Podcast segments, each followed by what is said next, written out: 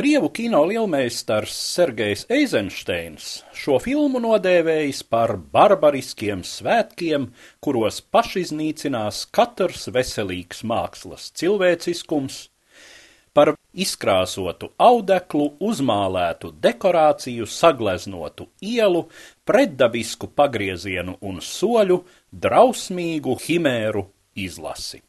Savukārt amerikāņu teātra kritiķis un producents Kenets Makgovens apgalvojis, ka šai filmā esot vairāk interesanta un aizraujoša nekā visā amerikāņu tā laika kino produkcijā. Runa ir par vienu no visu laiku spilgtākajiem kinodarbiem režisora Roberta Vīnes mēmo filmu Doktora Kaligāri kabinets, kas savu pirmizrādi piedzīvoja Berlīnes Marmorhaus kinoteātrī 1920. gada 26. februārī kad scenāristi Hans Janovits un Karls Meijers ieradušies pie nelielās studijas Dekla bioskopa īpašnieka Ēriha Pomera, viņš sākotnēji gribējis abiem parādīt durvis. Tomēr jau pēc brīža, uzklausījis sižeta izklāstu, bijis gatavs to uz vietas pirkt. Filmas darbība sākas kādā parkā, kur galvenais varonis, Francis, pavēsta sarunbiedram savu skumjo stāstu. Nelielā provinces pilsētiņā reiz ieradies kāds doktors Kaligāri. Viņš par naudu tirgū izrādījis publikai īpatni - somnambulu Čezāri, kurš guļ letarģiskā miegā, bet atmodināts it kā spēj pareģot nākotni.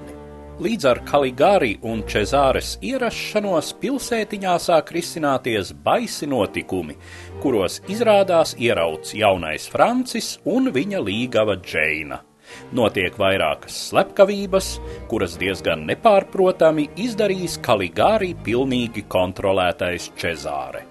Taču, kad baisais doktors sūta savu kalpu nogalināt Džeinu, jaunavas daļuma savaldzināts, somnambuliskais slepkava viņu nolaupa, mēģina aiznest uz savu slēpni, bet bezspēkā mirst.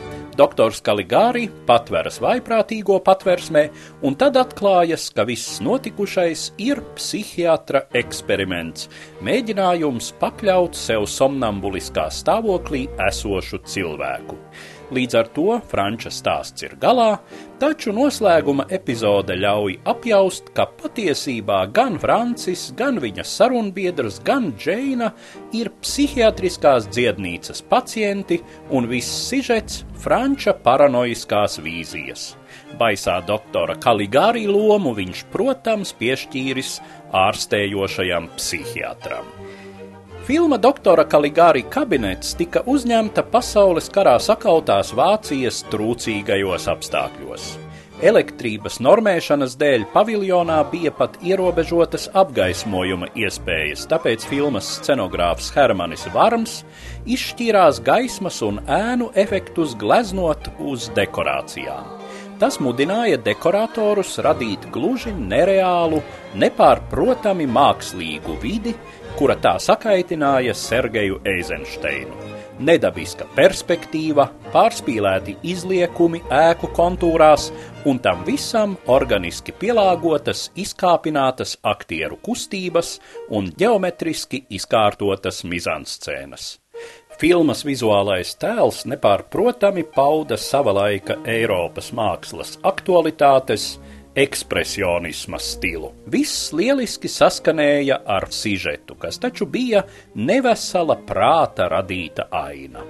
Pie tam jāatceras, ka doktora Kaligāri kabinets, kā jebkura tā laika filma, ir mēma, melnbalta un ar saraustītu kustību uz ekrāna. Filmas veidotāji tikai maksimāli izmantojuši sava laika kino neizbēgamos atsvešinājošos efektus, veidojot ļoti ekspresīvu, respektīvi ekspresionistisku tēlu. Vācija tolaik deva visnozīmīgāko ieguldījumu ekspresionisma kinomākslā, un kaut arī šī kino virziena uzplaukums ilga tikai kādus desmit gadus, tas nozīmīgi iespaidoja pasaules kino valodas attīstību. Roberta Vīnes, Paula Vegenera, F.V. Mūrnava un Friča Langa radīto tēlu vaipsti labi saskatāmi vēlāko laiku kinorežisoru, sevišķi Alfreda Hitchkoka un Tima Bērtona darbos. Stāstīja Eduards Liniņš.